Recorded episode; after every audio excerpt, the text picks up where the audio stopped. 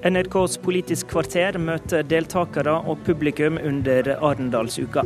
Og når Politisk kvarter arrangerer åpen mikrofon, lar vi deltakerne bestemme tema. Men det er fortsatt vi som skal stille spørsmåla. Har du noen gang tenkt på at akkurat du burde vært gjest i Politisk kvarter? Vanligvis så er det med programlederne som ringer og inviterer folk til å snakke om tema som vi vil ta opp. Men denne gangen så har vi gjort det litt annerledes, Håvard. Ja, disse dagene så er vi til stede på Arendalsuka, som er en mingleplass for politikere, organisasjoner og publikum. Og i dag og i morgen så åpner vi mikrofonen. Vi har invitert folk til å melde seg. Interessa den har vært eh, stor, så dermed kan vi vel ikke si at mikrofonen vår er helt åpen. Vi har måttet velge mellom de som har lyst til å være med.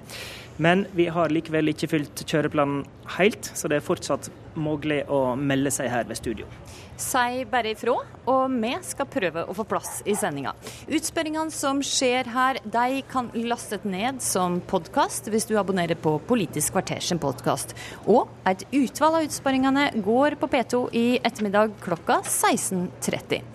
Og først ut i dag er et tema som vi kommer til å snakke mye om i resten av valgkampen, nemlig frafall i videregående skole. Da begynner vi der, og vi ønsker aller først velkommen til deg, Geir Lauvdal. Takk skal du ha.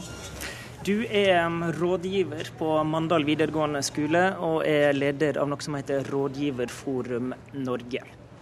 Skolesaker det er alltid sentralt i norske valgkamper. og De siste åra har vi snakka mye om frafall. Eh, det blir vel sagt at rundt en tredel av norske videregående elever ikke fullfører. Og Du eh, kjenner jo da denne problemstillinga godt som rådgiver.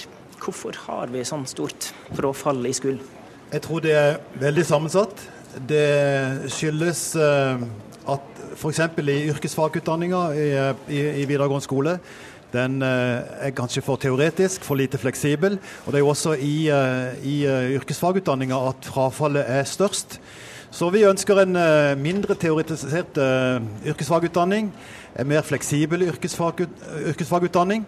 Og, um, fleksibel på hvilken måte da? Ja, F.eks. at man kan veksle mer mellom teori og praksis i løpet av den perioden man er på skolen.